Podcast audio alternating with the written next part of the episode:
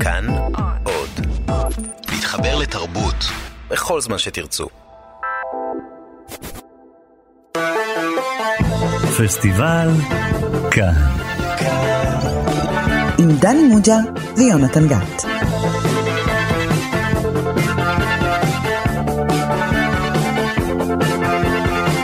שלום לכם, אתם שוב איתנו בפסטיבל כאן, תוכנית הקולנוע הרדיופונית של תאגיד השידור הציבורי. אני יונתן גת, ומולי יושב ראש המחלקה לקולנוע בבית ברל, דני מוג'ה. שלום יונתן, קום כשאני מדבר אליך. זה מה כן. שאתה צריך לעשות. אתה כן. מבין? או שאני צריך להגיד לך, את מבינה? מה? איך לפנות אליך. מה אתה צוחק? אל, תצ... אל תחייך כשאני מדבר אליך. לך לחדר השני, תתייק את כל המאמרים שכתבתי על הקולנוע הישראלי, תקרא אותם, תשנן אותם, ותסדר. אותם בתיקיות. הבנת? אוקיי, דני, הבנתי. מה הבנת? הבנתי שאנחנו הולכים לדבר על הסרט הזה. אקדח סיכות. האביזר הכי יקר במשרד. הדבר הזה הוא קטלני. שום דבר לא מחזיק את הבריסטולים הגדולים. לא הנעצים, לא הסלוטייפ. יש רק שניים כאלה, והם ממוספרים, ואנחנו מחביאות אותם פה. גם אם חלילה תפלי בשבי ויענו אותך, אסור לך לגלות לאף אחד, הבנת?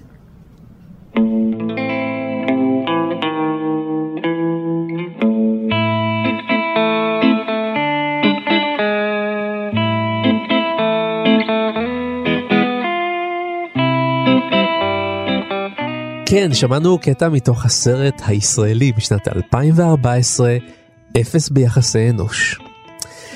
דני מוג'ה, אני חושב שהתוכנית הזאת היא ייחודית. למה?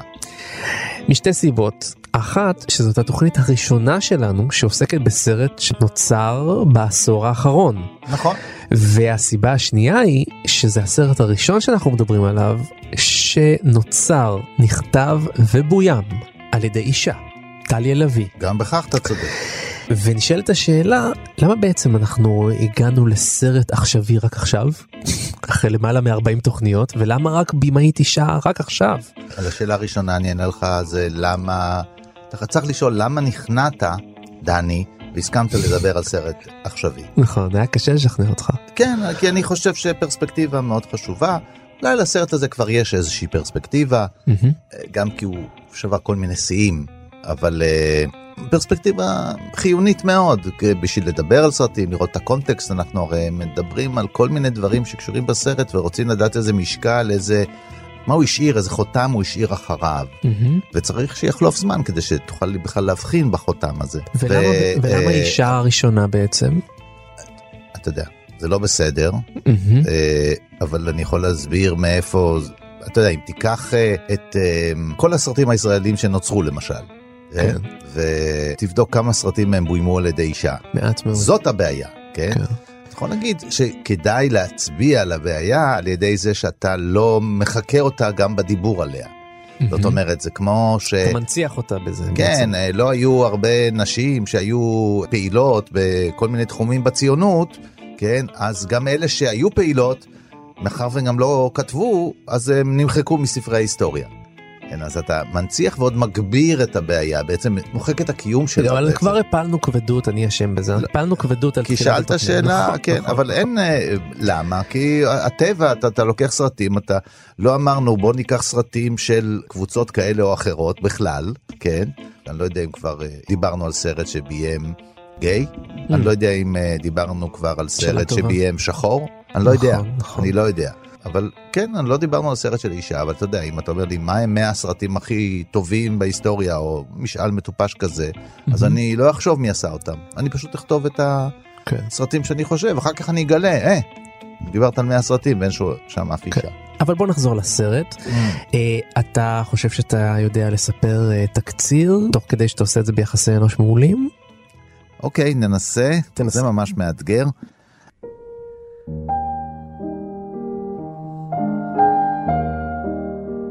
מדובר בחיילות, בשלישות, במחנה בדרום הארץ, מרוחק, אה, והן חיילות שלישות שם. כן. הסיפור הראשון הוא סיפורה של דאפי, המגולמת ש- על ידי אה, נלי תגר, נלי תגר. והיא חיילת אה, שממש שבוזה, לא רוצה לשרת במקום הזה, וכל מה שהיא הייתה רוצה זה להגשים את החלום שלה ולשרת בקריה. כן. זה בעייתי בעיקר לחברתה הטובה, שמגלמת אותה דנה איבגי, שבעצם מצד אחד מגננת עליה ושותפה ותומכת ועוזרת לה כביכול להשתחרר מן המקום, אבל מסתבר שזה רק כביכול, כי בעצם הייתה רוצה שהיא תישאר איתה, כי זה הדבר היחיד שמחזיק גם אותה בבסיס הזה. ויש איזה סיפור משנה, אה, לא בדיוק סיפור משנה, שמזין את הסיפור הזה, זה שהסרט מתחיל בזה שדאפי חושבת שהגיעה סוף סוף המחליפה שלה. כן. ובעצם זאת לא מחליפה שלה, זה מישהי שמסתננת לבסיס הזה, מבוסס על מקרה אמיתי, חיילת שמצליחה להשתחל בדמות בדויה לבסיס כדי לפגוש את מישהו שהיא מאוהבת בו. כן. וכאן זה מסתיים גם באופן טרגי, כשהיא מבינה שהבחור הזה בכלל לא חיכה לה. והדרך היחידה של דאפי להיחלץ במקום הזה, זה ללכת לקורס קצינות. וכך uh, מסתיים הסרט הראשון. הסרט השני נקרא הבתולה, ובמרכזו הדמות שמגלמת uh, החברה של דאפי, זוהר, מגלמת אותה כמו שאמרנו, uh, דנה איבגי. היא ממורמרת עוד יותר עכשיו, כי החברה שלה איננה. הדבר היחיד שהיא מוכנה לעשות היא חוצפנית גדולה, היא רואה את כל העוולות ואת כל האוויליות בשירות המיותר הזה, שכל מה שהן עושות זה אה, לגרוס ולתייק ולהזיז מסמכים ולהגיש קפה לבנים. ובין שאר הבעיות שיש לה, שהיא מבינה שלא רק בקיבוץ, אה, איפה שממנו היא באה, אלא גם פה בבסיס, היא הבתולה היחידה. ויש לה איזו שאיפה להשתחרר מהמלכודת הזאת וכבר לעבור לשלב הבא בחיים שלה. כן. ופה היא מוצאת אה, דווקא מידרדרת לאיזה מערכת יחסים אה, מסוכנת, ושדווקא אחת האויבות שלה במקום אה, מתגלה כמי שיכולה לחלץ אותה משם, ובסופו של דבר היא נוקמת במפקדת המקום וגורסת כל נייר שזז. והסיפור השלישי הוא סיפורה של המפקדת. רמה שמגלמת אותה שני קליין, שהיא יש לה שאיפות מאוד גבוהות והייתה רוצה להצליח בקריירה שלה, אבל היא לא ממש uh, מצליחה להשתלט על הבנות האלה, ובעצם גם uh, הן גורמות לאסונות בבסיס uh, שקשה לשער. מוחקות פיילים, מוחקות קבצים, uh, הדבר היחיד שהם צריכים להציל בבסיס הזה זה את ההיסטוריה של משחק שולה מוקשים. הדבר היחיד שפעילות המלחמה היחידה שממש מצליחים לבצע בבסיס הזה, והיא לא כל כך עולה יפה ומחליפה אותה בסופו של דבר, מי שהכרנו בתחילת הסרט, דאפי, שהיא מפקדת, וגם מפה היא מצליחה להיחלץ, והחלום שלה בסופו של דבר מתגשם, והיא מצליחה לכבוש את הקריה, לא בחדר האידיאלי, אבל אז היא נעזרת שוב בחברה שלה מן הפרק הראשון, ומנסחות את המכתב המעולה ביותר, שבוודאי יזיז אותה אל החדר היותר נוח ועם כיווני האוויר הנכונים.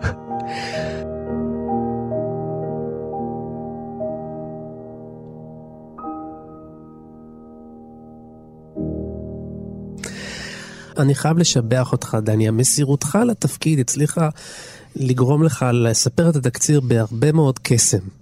אוקיי, אני מודה לך. אבל הסיבה הכי טובה לזה שאנחנו מדברים על הסרט הזה, דני, היא? אני פשוט מת על הסרט הזה. אה, אתה רואה, אני אתה כל רואה. כך אוהב את הסרט הזה. הבנתי. הוא מצחיק, הוא מרתק, הוא פנטסטי. אתה לא לבד, כמו אבל בוא שאמרת, נשאל למה הסרט כל כך מצליח? גם מצליח גם בקהל וגם אצל המבקרים. תראה, למה הסרט הצליח? הסיבה היחידה שסרט מצליח זה כי הוא הצליח. אם היינו יודעים למה הסרט מצליח, היינו עושים סרטים מצליחים, וכל הסרטים, אין, אי אפשר לדעת. נכון. אני חושב שיש בו, הושקע בו המון מחשבה. טליה היא אישה מוכשרת. אה, טליה לביא, טליה. לביא, התסריט, יש בו המון המון המון המון הברקות. בעיקר בשפה. אה, לא סתם הסרט הזה זכה בפרס הליהוק, אורית אזולאי זכתה בפרס הליהוק. אז יש פה המון המון המון מרכיבים שעושים אותו מצד אחד סרט שווה לכל נפש, שכל אחד יכול להתחבר אליו בחוויה, להוויה הישראלית, הוא מצחיק, הוא קולח, הוא רץ מהר, שחקנים מצוינים. ומצד שני יש בו תשתית רצינית, אמיתית, ואולי גם פוליטית, הוא נכון. מה זאת אומרת? כשמגיעים לפוליטיקה אתה יודע שאני סותם את הפה ונכנס למקלט מצדיע- ומעביר את, מצדיע למפקדת. ומעביר את זכות הדיבור למי שבאמת מבינה בעניינים כאלה. אז הנה הקצינה הבכירה שלנו לענייני קולנוע, שלום לחוקרת הקולנוע ולמרצה, ליאור אלפנט שלנו, אהלן. זו פעם ראשונה שמישהו קורא לי קצינה. כן. אז אה, בהצדעה. אז אה, בואי תספרי לנו מה, למה הסרט הזה הוא חזק מבחינתך? אז יש הרבה מאוד סיבות, אבל אני חושבת שהסיבה העיקרית היא שזה סרט שמציג בעיניי בצורה מאוד מאוד מורכבת, מאוד יפה, את ה... לא רק את הבעייתיות של שירות של נשים בצבא, אה, אלא גם מצליח להעלות תוך כדי זה עוד המון המון המון בעיות אחרות של החברה הישראלית ותפיסות דווקא של גבריות ונשיות ומה זה בעצם אומר להיות בחורה אה, בצבא הישראלי ובחברה הישראלית. והיא מצליחה טליה לביא לעשות את זה בצורה מדהימה, גם להראות תמונה שהיא מאוד מאוד אמיתית. שככה שנשים אה, ששירתו בתפקידים האלה, אבל גם לא כל כך בתפקידים האלה, אלא בכל מיני מקומות יכולות להזדהות עם זה, אבל כנראה שהיא אמיתית מספיק גם לכלל החברה, כדי שגם יוכלו להזדהות עם זה בחו"ל, במקומות שאין בכלל. צבא כזה כמו בישראל, אה, גם גברים וגם נשים שאו שלא שירתו או ששירתו במקומות אחרים, והיא מצליחה גם להעלות, דרך המבט שלה, סוגיות שהן אמורות היו להיות על השולחן כל הזמן, ומשום מה, הקולנוע הישראלי, שהוא מאוד אוהב צבא, על כל גווניו, דרך אגב, משום מה לא עסק בנושאים האלה עד שהגיע אפס ביחסי אנוש. מה זה אומר עוברת לקריה? זה אומר מה שזה אומר, זה לא אומר שום דבר שאין בתוך המילים עוברת לקריה. אל תתחצפי אליי. גם ככה אני לא זמן ולא סבלנות לקשקוש הזה. אנחנו לא אמורים לקלוט חיילים מן עד סוף החודש. לא רמה, באמת, זה הכל בסדר, זה הכל מאורגן, אני פשוט כבר הרבה זמן במגעים עם כל מיני גורמים בקריה. איזה מגעים בדיוק? שלחתי מכתבים. הרבה מכתבים. למי? לקב"ן, לאגף תשרשי, לפניות חיילים במטכ"ל, ליועצת הרמטכ"ל לענייני נשים, והאמת גם לרמטכ"ל. מה? נכון, זוהר? בסוף שלחנו לו. לרמטכ"ל? כן. כן, נראה לי שכן. שלחת מכתב לרמטכ"ל? מה כתבת לו? שאת פקידה מפונקת שהמציאו לה תפקיד שלא קיים? מש"קית נייר וגריסה כי היא לא יודעת להקליט במחשב או להעביר שלוחה בטלפון? שאת רוצה לשרת בקריה כי המדבר עושה לך יובש בשיער? טוב, ניסחנו את זה קצת אחרת מן הסתם. אבל זה זה, שהמציאו לה תפקיד. זה חצי ממה שהסרט הזה אומר. המציאו לה תפקיד. כן, מתחת לסרט הזה, מתחת לתשתית הקומית, אז נשאלת השאלה, הנחיצות של השירות של הבנות. בדיוק. אנחנו שומעים את זה מדי פעם שצה"ל אומר את זה, כן? הערך של השוויון אה, בנטל, כן? אומר, טוב, אנחנו חייבים לגייס גם את הבנות כדי שיהיה שוויון מול הבנים, כן? אבל בכל זאת נגייס אותם רק לשנתיים. כי אנחנו לא צריכים אותם ממש עד כדי כך, כן? כן. כאילו זה מין משחק, אה, חצי משחק כזה, משחק השוויון עם אנשים. זה לא שאומרים, אוקיי, מבטלים אותו. אין, כולם שישרתו בצבא, אותו מספר אה, ימים, דתיים, חילונים, ערבים, יהודים, נשים וגברים. מהמם. ואז שכל קבוצה תגיד בשם עצמה אם היא יכולה או לא יכולה. וכל קבוצה יש לה סיבות להסביר למה היא לא יכולה. אז, אז תחת זה, הוא אומר, אז, אז ממציאים לחיילות האלה, ובסופו של דבר, כשאנחנו בודקים בתוך הצבא מה הבנות עושות, בוודאי, אולי מאז קצת השתנה, אני לא בטוח, לא יודע. הסרט הוא סרט תקופתי, הוא בעצמו נעשה על תקופה עשור קודמת. קודם, כן. כן, כן. אפילו המדקדקים מוצאים פה ושם שגיאות במדים, וזה לא נכון. מדויק, כן? והבניין המרובע של עזריאלי כבר קיים. אבל בשולי המוקשים אי אפשר לטעות. זה, אני זוכרת את זה. והבעיה הזאת, כן, היא נמצאת שם, של, נשים שמשרתות בתפקידים אה, קלאסיים של נשים. כן, בסוף מה תהיי? פעם היה, היה לך אפשרות להיות או מגישת תה, ואם את באליטה תהיי מקפלת מצנחים. כן. פעם היו אומרים, זה שתי האופציות היחידות שיש, או שתהיי באמת עלובה ותגישי תה, או שתגעי בתהילה הזאת ותקפלי מצנחים ויהיה לך איזושהי אחריות על חיים. אז, כן. אז, אז זה ישנו בסרט, כן, התפקיד החינוכי שהצבא לקח לו זה במרומז, כל מיני, המורשת צה"ל, יש שם מישהי שתולה פוסטרים של כל המלחמות, כאילו, איזה היסטוריה יש לנו רק של מלחמות, כן, ואז כתוב כזה בכתב יד ילדותי, אפרופו הדבר הזה שהן ילדות מבוגרות, מקשטות ממש באופן ממש ילדותי, או אה, ז'רגון. כאילו להגשים את עצמך, הבלבול הזה בין להגשים את עצמך ובין להגשים את מה שהמדינה מורה לך לעשות, שאין בו שום אלמנט של הגשמה, אלא, כן, אה, אה, הרי, הרי זה אחד הבלבולים בחברה טוטליטרית כזאת, כמו שמבחינה אידיאולוגית, שישראל תמיד הייתה, ובוודאי בצבא, שהגשמה עצמית היא בעצם להכפיף את הרצונות שלך לרצונות הקולקטיביים. זה בידיים שלנו, ולא סתם נעבור את הביקורת. נעבור אותה בהצטיינות. קדימה בנות, בוא נעשה מזה חוויה.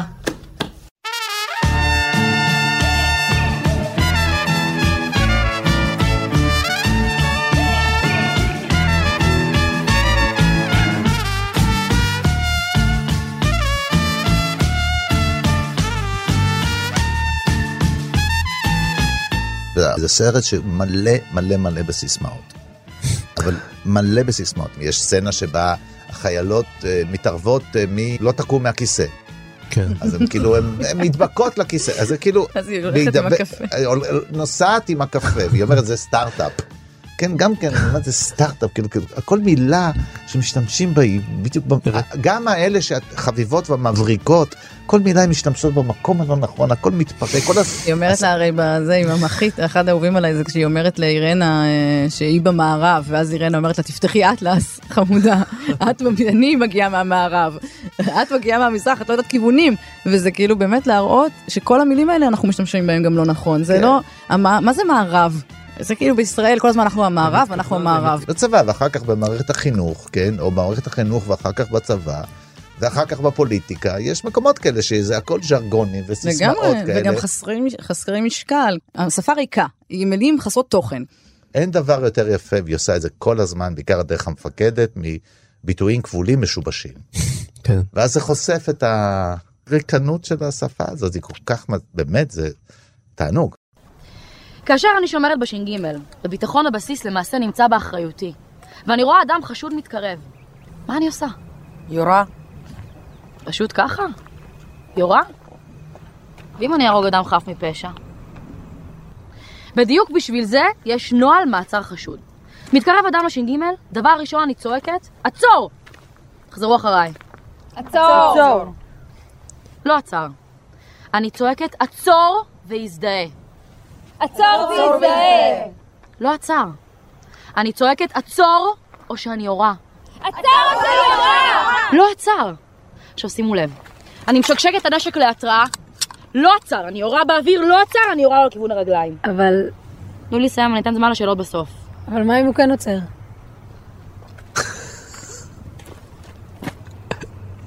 לא באמת, מה אם הוא כן עוצר? אם הוא עוצר, תקשרי אליי. זה בדיוק, בדיוק מה שדני דיבר עליו, על השפה, ועל זה שזה הכל ריק, אין לזה שום משמעות, סיסמאות ריקות, קלישאות של צבא, שאין שום דבר מאחוריהם, וגם אף אחד לא יודע למה זה ככה, ומה באמת אמורים לעשות פה, כי אף אחד לא יודע מאיפה זה הגיע, ומה, זה פשוט, זה סצנה מופלאה בעיניי, הסצנה הזאת. כן, ושהיא מציגה את האופציה השנייה, כי הכל הוא מכוון למסלול אחד, כן? ובאמת בדרג הכי נמוך, כן? כל הדברים האלה יש להם שורש. מישהו חשב עליהם, מישהו תרגל אותם, מישהו השתמש בזה, זה התמרק ו- וזה אפילו הגיוני, יש איזה היגיון שנמצא מאחוריהם, אבל לאט לאט נשאר רק הקונטור, וכשהוא מגיע למטה, זאת, זאת תמיד הבעיה, כאילו, למה צריך לרענן נהלים? במקרה הזה, הוא לא רק מגיע למטה, בגלל שהוא עבר אל הבנות, אז הוא גם כבר נשחק כל הדרך למטה, וגם קצת התעוות, ואז המוח של הבנות האלה, שמראש הוא לא מתוכנת לכל ה... עניינים הקרביים האלה. כן, אז כאילו, ואז היא, היא שואלת מין שאלות תם כאלה, שאלות ברורות מאוד, כאילו שאלות, כן. שאלה שכולנו היינו אמורים לשאול. שזה כאילו. זה התפקיד העיקרי של... אה, אה, של זוהר. אה, כן, של דנה איבגי, יש- השאלות האלה שהיא שואלת אותם, כי היא כבר ראתה כבר הכל, והיא באמת, אה, גם, אה, היא לא מפחדת, כן, אז היא, היא שואלת אותם, היא שואלת אותם גם ממודעות, כן, אבל כולם יש להם, כל אחד יש איזה רגע שהן אומרות את המשפט הזה של אה, המלך עירום, או את המשפט הזה שאומר, רגע, ואם, מה, אה, על זה לא חשבו, ואל תסיטו אותי מה...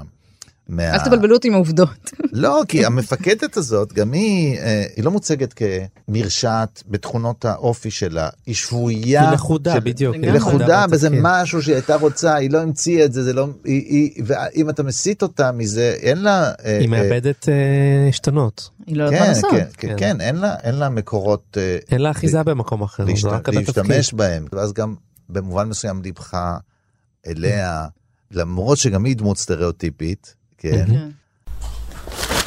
כל זה חיכה לך במשרד רישום, מש"קית דואר. תודה. אתם יודעות איך קוראים לשלישות בבסיס הזה?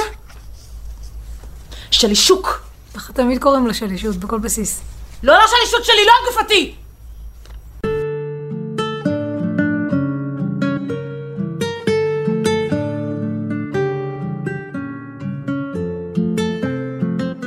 ודני אתה זוכר בהתחלה בתחילת התוכנית דיברנו על זה שזה הסרט הראשון שאנחנו עוסקים בו שמבוים על ידי אישה. תראו את הסרט הזה הסרט הזה הצליח בכלל בלי שום קשר זה לא שנשים אהבו אותו יותר. בנים מתו עליו נכון. זה סרט זה גם- שדיבר לכולם. בוודאי, אז אני חושבת שלא מי ש- מי שמגיע לראות את הסרט בסופו של דבר לא מסתכל על מי הבמאי. בדיוק. מעט, מעט מאוד אנשים עושים את זה, אם אני, כאילו, אם אני הולכת לסינמטק אז אני כנראה אסתכל כן. לראות כאילו איזה... אני חושב שהרבה מאוד מהצופים של וונדר וומן לא יודעים בכלל שבימה אותו אישה אפילו שזה היה נורא מתוקשר. כן. תראה, צריך להפריד, בסך הכל יש פה, העובדה שגבר או אישה עושים סרט, סביר להניח שהוא משפיע על הסרט. ברור. כן. אבל, אה, והעובדה שגבר או אישה כותבים את התסריט, מהמם. כן? ואפשר להוסיף לכך גם העובדה שגבר או אישה יצלמו את הסרט. זה עוד עין, הרי אנחנו בסוף מדברים מזווית הראייה, מהיכן מסתכלים על העולם הזה. נכון. אה, כן, זה, זה משפיע, אבל בכל זאת אנחנו מדברים, יכולים לדבר על הסרט, ויכולה אישה, לפי תעודת הזהות שלה, לביים את הסרט, אבל שהיא לא תנקוט בנקודת מבט נשית. מהמם. ברגמן, יש אומרים, אני לא לחלוטין, אה, לא תמיד מסכים, ובטח גם לא מבין בזה עד הסוף, אומרים שיש סרטים שהוא עושה אותם, צריך לעשות אותם מאיזושהי זווית ראייה נשית אה, של אישה. אה, כן, וגם בכתיבה אנחנו מכירים את זה, אז כך שהעניין הוא הסרט, אז יש עניין של תעשיית הקולנוע ותקרת הזכוכית, ומה זה להיות בסט, וגם אם עכשיו בבת אחת תצניח 50 אחוז מהנשים אל תוך תעשיית הקולנוע כ- כבמאיות, הן תיאלצנה לעבוד בסט שבו 90 לגמרי. אחוז יהיו גברים. לגמרי. אז גם זה יכול להשפיע, זה יכול להשפיע על טיבו של הסרט, זה יכול להשפיע על המון דברים, כן? ואולי נקודת המבט שלה לא תצליח לזחול אל תוך הסרט, ל- ל- ל- להיות מהולה בסרט, שהסרט יהיה מהול בנקודת המבט שלה, בגלל שחצי מהדברים האחרים נעשים בסוף יש יד של גבר שמפעילה את זה, ויש לו, אני מאמין שיש לו השפעה בכל רגע, גם לאיפור וגם ל- לכל שלב. העניין הוא הסרט עצמו, שהוא באמת סרט שמחובר גם לאישה שעומדת. במקרה כן. הזה הוא סרט אה, בהחלט אה, חשוב, וחשוב שהוא הצליח. כי מה שקורה זה שגם אם יפתח פתח, אם הסרטים למשל, בטח בתעשייה כמו הוליווד, אם סרטים לא מצליחים, נגיד סרט של אישה לא יצליח, אז הסיכוי שלה לביים אחר כך יהיה נמוך יותר. ולא רק שלה, אלא גם של עוד נשים. זה כן, בדיוק כן. העניין, שבהוליווד אם אישה אחת לא מצליחה, אז כנראה שנשים לא יודעות לעשות סרטים. כאילו, ולכן אנחנו גם רואות ממש מעט נשים עושות סרטי אקשן למשל. אה, ולאו דווקא זה. אני רוצה רגע לחזור, להתחבר למה שדני אמר על ברגמן, דווקא מכיוון ההפוך. בדקו את הייצוג של נשים שבסרטים זוכי אוסקר במהלך השנים, וגילו שאחד הסרטים עם הכי פחות ייצוג לנשים אי פעם זה מטען הכאב הסרט שקטרין ביגלו הבמאית שלו הייתה לא רק הבמאית הראשונה לזכות באוסקר אלא גם הבמאית הראשונה שהסרט שלה יזכה בסרט הטוב ביותר כן. שזה אגב הדרה מוחלטת אחרת כן 90 שנה רק חמש נשים מועמדות לפרס הזה בכלל של בימוי של הבימוי, אחת זוכה בו אני אה, מאוד גאה בדפי שלנו. היא הולכת להיות קצינה לתפארת מדינת ישראל. אני מבקשת שנראה בזה לא רק את הסיפור האישי של דפי, אלא הוכחה לזה שכל אחד ואחד מאיתנו יש לו נקודת מוצא, שממנו הוא מתחיל, ומשם לשמיים אין גבול. אתם זוכרים ששמענו בתוכנית את זה שהחיילת מספרת שהיא פנתה ליועצת לרמטכ"ל לענייני נשים. יוהל"ן אז איתנו נמצאת תת-אלוף במילואים רחלי טבת לשעבר יועצת הרמטכ"ל לענייני מגדר אהלן. היי, אהלן. והיום אה, מנכ"לית הרשות הלאומית לבטיחות בדרכים. אגב, כשאני ראיתי את הסרט הייתי באמת יוהלן. כן. ישבתי עם הבנות שלי ואמרו לי, אמא, זאת את, כאילו דיברו איתך, זאת את, זאת את. יפה. את אוהבת את הסרט? אני מאוד אהבתי את הסרט, כי הוא נחמד, כי הוא מעניין, כי הוא כיפי. אבל יש כמה דברים שלא הזדהיתי אותם ולא קיבלתי אותם. אוקיי. Uh, הדבר הראשון והעיקרי, אני גם אומרת את זה לבנות שלי ולנשים אחרות, מי שלא רוצה להיות פקידה בצבא, לא תהיה פקידה בצבא. זה, זה, זה ממש לא העניין, כאילו, הנואשות הזאת אז? של לא להיות פקידה וללכת למקום אחר, עוד אז? לא גם. בש- גם בשנים ההן? תראה, גם בשנים ההם הסרט הזה הוא לא כל כך עתיק. גם בשנים ההם זה עשור, שמונה שנים, שבע שנים, חמש לא, שנים. אבל הוא לא מתרחש כשהוא נעשה, הוא מתרחש הרבה שנים קודם. כן, הוא נעשה ב-2014, אבל הוא מדבר על עשר שנים קודם, זאת אומרת 2004. 2004 זה לא כל כך הרבה שנים במונחים של צבא. גם אז, מי שלא רצתה להיות פקידה, לא הייתה פקידה. עכשיו, זה נכון שיש כאלה שבגלל זה יצאו לקורס אה, קצינים או קצינות, בכדי להתחמק מהמקצוע. כן. אבל זה, זה, זה ממש לא נכון. תראה, לפחות בעשור האחרון, או אפילו יותר מזה, אה, מקצוע הפקידה, מה שנקרא, אה, השתנה בצורה משמעותית. אני בתפקיד האחרון שלי שירתתי בקריה והיו הרבה פקידות, ותהיתי מי זה הפקידות האלה, למה הן באות להיות פקידות בקריה? כאילו בשביל מה? וחלקן, ב- מהרבה סיבות שקשורות לנסיבות אישיות למיניהם, בנות אגב וגם בנים, יש פקידים כמו שיש פקידות שרוצים לעבוד אחרי הצהריים, שצריכים לפרנס, שרוצים לעס- לעסוק בעיסוקים אחרים והם בוחרים במקצוע הפקידה. הפקיד או הפקידה, המגוון בצבא היום הוא, הוא עצום של תפקידים.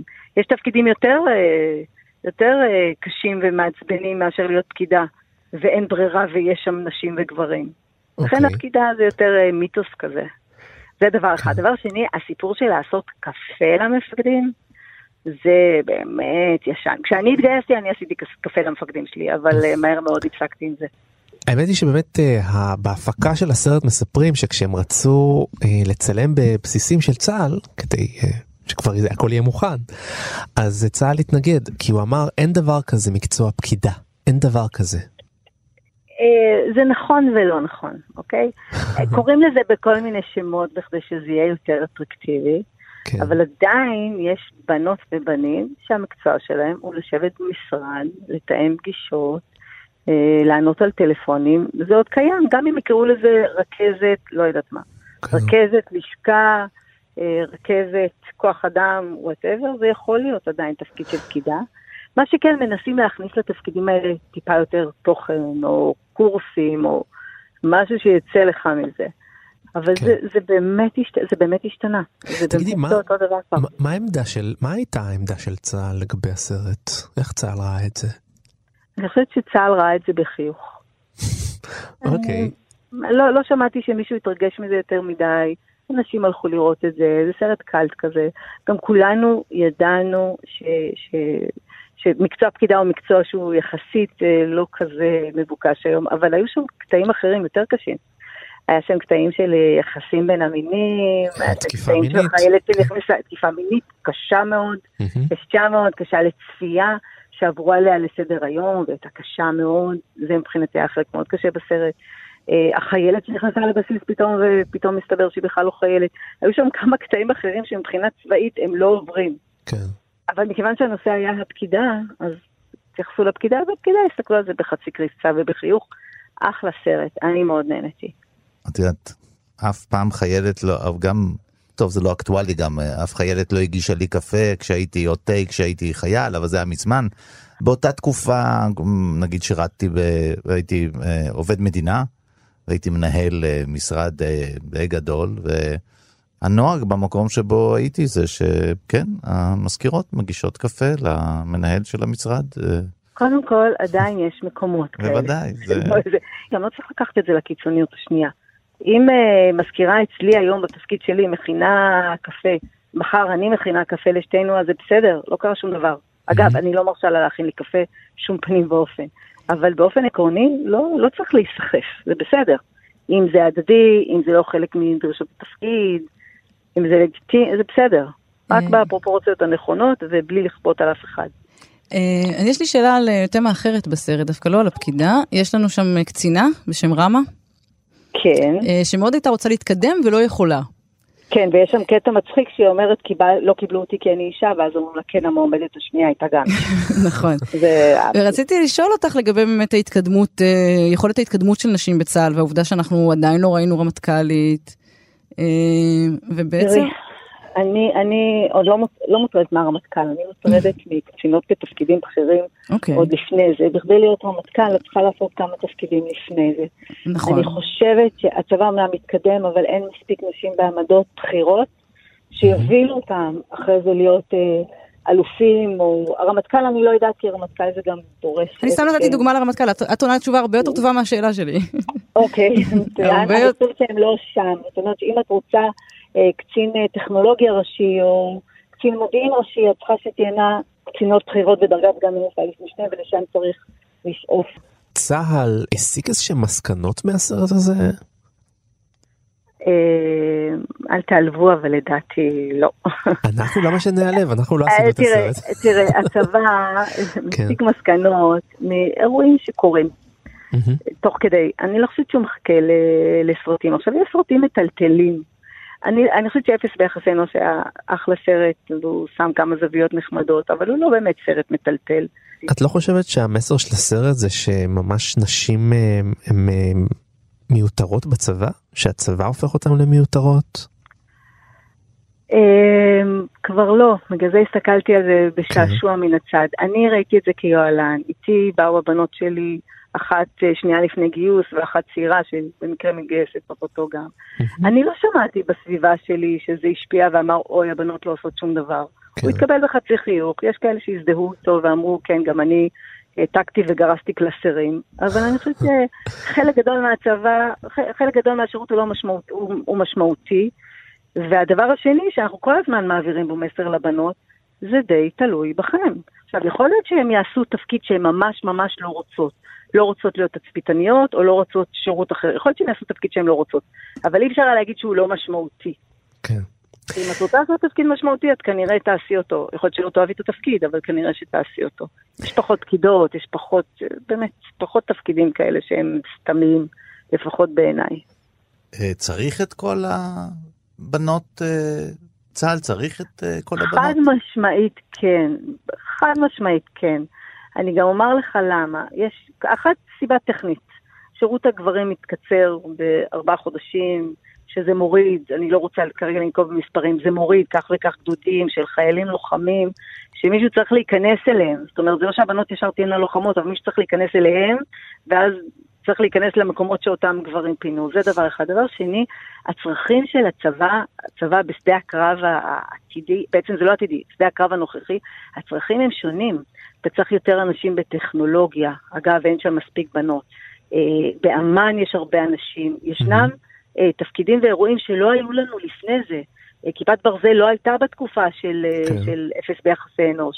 היום יש לנו נשים בכיפת ברזל, יש אה, הרבה יש- יש הרבה נשים מקומות- בכיפת ברזל? יש, יש לא מעט נשים בכיפת ברזל, יש מפקדת סוללה בכיפת ברזל, יש שם נשים, זה אירוע, מצד אחד הם לוחמים, מצד שני זה אירוע טכנולוגי.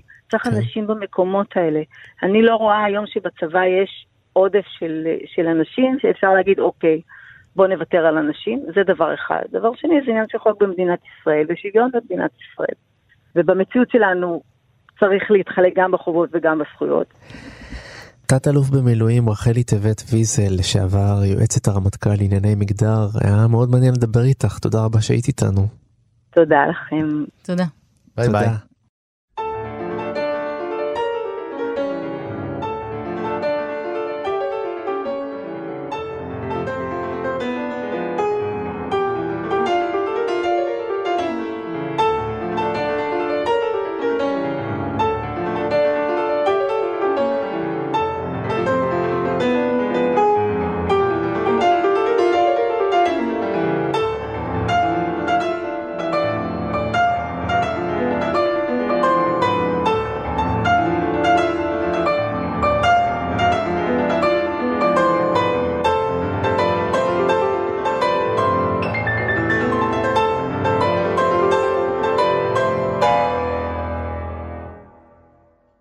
אגיד לך, מה שמאפשר לסרט הזה להצליח, של טליה, זה שכמו שהצבא, אתה יודע, לא התרעם, בטח היה מישהו שהתרעם, זה לא ככה, זה כן ככה, כאילו שדבר, סרט צריך להיות כמו משהו. צריך להיות כן, צריך להיות, כן, זה ככה, זה לא ככה, זה כמו מה גם, אתה מחליט שהוא לא כמו משהו. אין בעיה, שתמיד סרט הוא יהיה לא כמו משהו. אז כן, אבל זה לא בסדר בגלל זה. או, זה בדיוק ככה, כאילו שכאילו... אבל העניין הוא שעם כל זה שיש פה איזה ביקורת, היא ביקורת על תופעה, אין פה אצבע מאשימה, אף אחד לא צריך באופן אישי להיעלב, זה לא סאטירה כזו שמישהו יכול Mm. אה, להגיד בשום אופן, זה לא, אני לא מסכים, זה לא בבסיס שלי, זה לא בתקופתי. נכון. גם הדמויות של הגברים, אפילו כשהם ישנם, ברור שהם שם לרגע, ואפשר להחליף אותם תוך שנייה זה מין, וגם זה שזה קצת בעיניים של הבנות, כל הגברים האלה, כן? הם ככה חולפים מול החלון, הרבה מצולמים במין מסגרות כאלה, כמו משהו שהיינו רוצים להיות בו, או להיות איתו, כן? זה, הרי אנשים, מה הם עושות בסרט? הן או רוצות להיות כמוהם, או להיות איתם. אה, זה שתי האופציות שיש להם עם הגברים האלה, הם לא מתנקמות בהם. אם יש מאבקים, הם בתוך העולם של אנשים. כאילו הסכסוכים והטובה רעה, זה תמיד בתוך עולם הנשים, ולכן אה, קל לקבל את זה, אתה יודע, זה לא אה, סוג הסרטים שאתה יודע, שאפילו מש, מהמם. הייתה תרעומת מאוד מאוד גדולה. כולם הבינו שמש הוא על מלחמת וייטנאם למרות שהוא עוסק בקוריאה.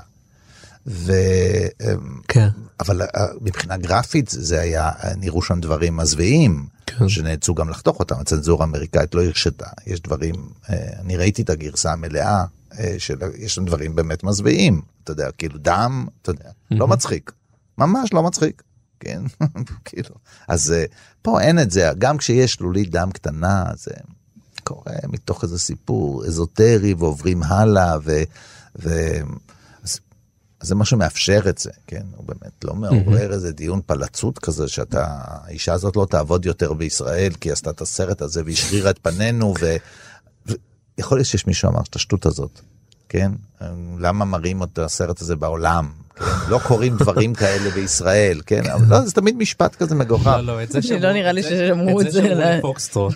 אבל, אבל, הרי זה משפט ידוע, כשפוליטיקאי אומר על סרט, סליחה שאנחנו עוברים לדבר על אה, אזורים אחרים, אבל כשפוליטיקאי אומר על סרט, אין דברים כאלה, אה, אה, אה, אנחנו יודעים שיש, שיש דברים כאלה, ורק אל תראו את זה, כן? והראשון כן. שאמר את זה זה אה, ויטוריו מוסוליני, אה, הבן של מוסוליני, אה, בהקרנה, היה, כל סרט היה צריך לעבור את העיניים שלו, הוא היה אחראי על הקולנוע. וכשהוא ראה את אוססיונה, העיבוד של אה, ויסקונטי ל"הדבר מצלצל פעמיים", שהיה פתאום מצולם מחוץ לאולפנים ולא מצועצע ונראה כמו משהו שיכול להתרחש, אז הוא קם ואמר, זו אינה איטליה. והסרט צונזר ולא הותר להקרנה להרבה שנים, אה, שנמשכו גם אחרי שמוסוליני נפל. אז כן, אז אתה יודע, וכש... אותו דבר גם צ'יץ', כשהוא אור מן ההפקר, הוא אמר, אה, אין דברים כאלה, כשרואים שם שהורסים בית, הוא אומר, אין דברים כאלה בתל אביב. כן, מישהו ברור. אמר לך שיש? שבת- סלאח שבתי, כן, אין שאמרו דברים. שאין דבר, אין, אה, הקרן הקיימת לא מרמה את התורמים. כן, ברגע שמישהו אומר כזה דבר מיד, כן, מישהו, מישהו, כן, מישהו אומר כזה, אתה יודע שיש משהו כזה, רק אל תראו את זה בחוץ, הכביסה המלוכלכת. אה, ועל זה זה דיון טוב, כן, דווקא. מותר להראות בחו"ל או לא להראות בחוץ, זה כבר, אה, כן, האם הגיוני שאני אממן משהו שאחר כך יפגע בי. השאלה אם זה יפגע או לא, כן? אנחנו מכירים את הפוליטיקאים שמשתמשים בזה. אז הסרט הזה הוא לא כזה, הוא לא כזה.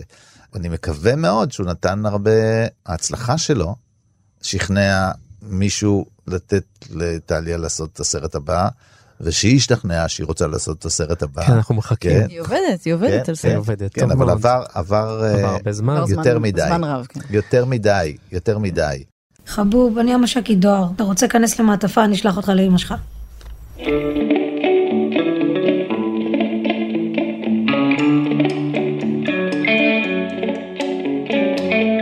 אנחנו מגיעים לשלב ההמלצות וזו ההזדמנות אה, להמליץ לכם על עוד סרטים שקשורים באותו נושא פחות או יותר.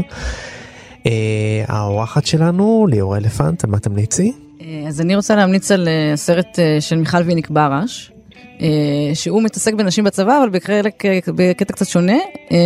הדמות, ה- דמות המשנה שם, שבעצם קצת מניעה גם את העלילה, היא חיילת עריקה. היא אישה, נער, חיילת שנעלמת מהבסיס שלה, לא יודעים איפה היא, לא רק שהצבא לא יודע, לא רק שההורים שלה לא יודעים איפה היא, הצבא לא יודע איפה היא. אה, ובמהלך הסרט המשפחה שלה מחפשת אותה.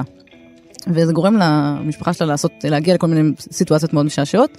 אה, והסרט הזה מראה כאילו את היחס, אה, את, ה, את, ה, את התפקידים של נשים בצבא בצורה מאוד מאוד שונה מאפס ביחסי אנוש, אבל גם מאוד מאוד דומה. ובלי שום קשר זה סרט מופלא בעיניי על אה, זוג של נערות בתיכון והרומן ביניהם, לצד זה שהאחות הגדולה של הדמות הראשית היא בעצם האישה הנעדרת. אז ברש של מיכל ויניק, סרט מומלץ מאוד.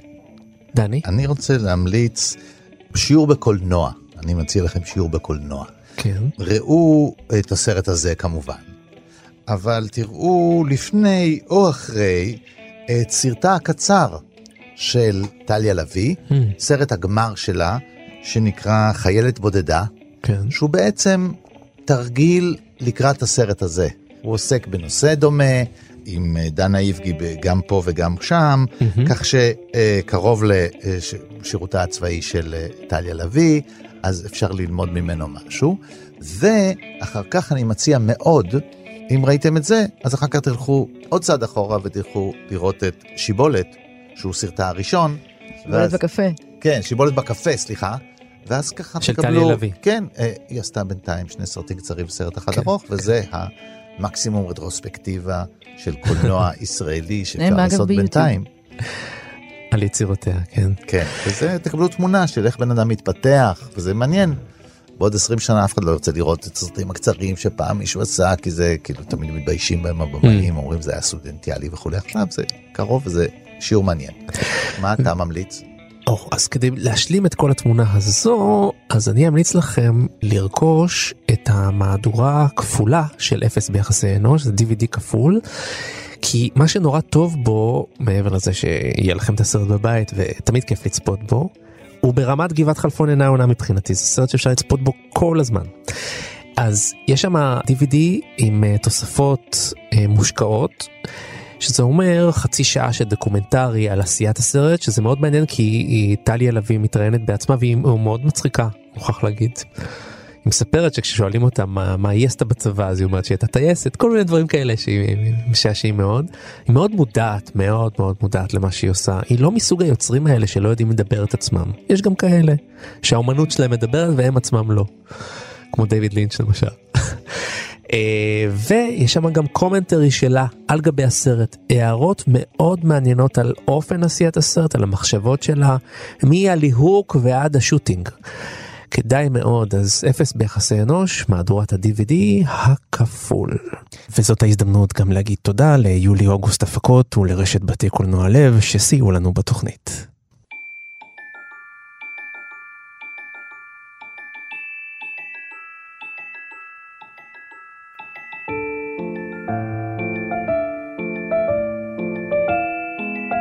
סיימנו, אנחנו רוצים להגיד תודה לטכנאי שלנו שרון לרנר, לאייל שינדלר ולשלומי בן עטיה שהביאו אותנו לשידור. ואתם מוזמנים עכשיו להיכנס לעמוד הפודקאסטים שלנו, עמוד ההסכתים של פסטיבל כאן, שם תוכלו להקשיב לכל התוכניות ששידרנו עד היום. הכי קל והכי נגיש זה לעשות את זה באפליקציה או ביישומון כאן אודי. תודה רבה לחוקרת הקולנוע והמפקדת של כולנו פה. אכה. ליאור אלפנט, תודה רבה. תודה לכם. ודני מוג'ה, אני יודע שכל חלומך זה לנטוש אותי כאן באולפן ולעבור לקריה. בסך הכל כמה צעדים מפה. מה... אני אשלים רק את מה שאמרתי לך בתחילת התוכנית. כן. מחר כשאני מגיע לפה, אני רוצה לראות את המקום מבריק, כן. מצוחצח, כן, וללא פירורים בפינות. אני מצדיע לך דני מוג'ה. מה שאתה אומר, אני מצדיע. אז אה, תודה רבה לכם שהייתם איתנו ואנחנו נתראה בשבוע הבא עם סרט מעניין נוסף. ביי ביי. ביי. ביי להתראות.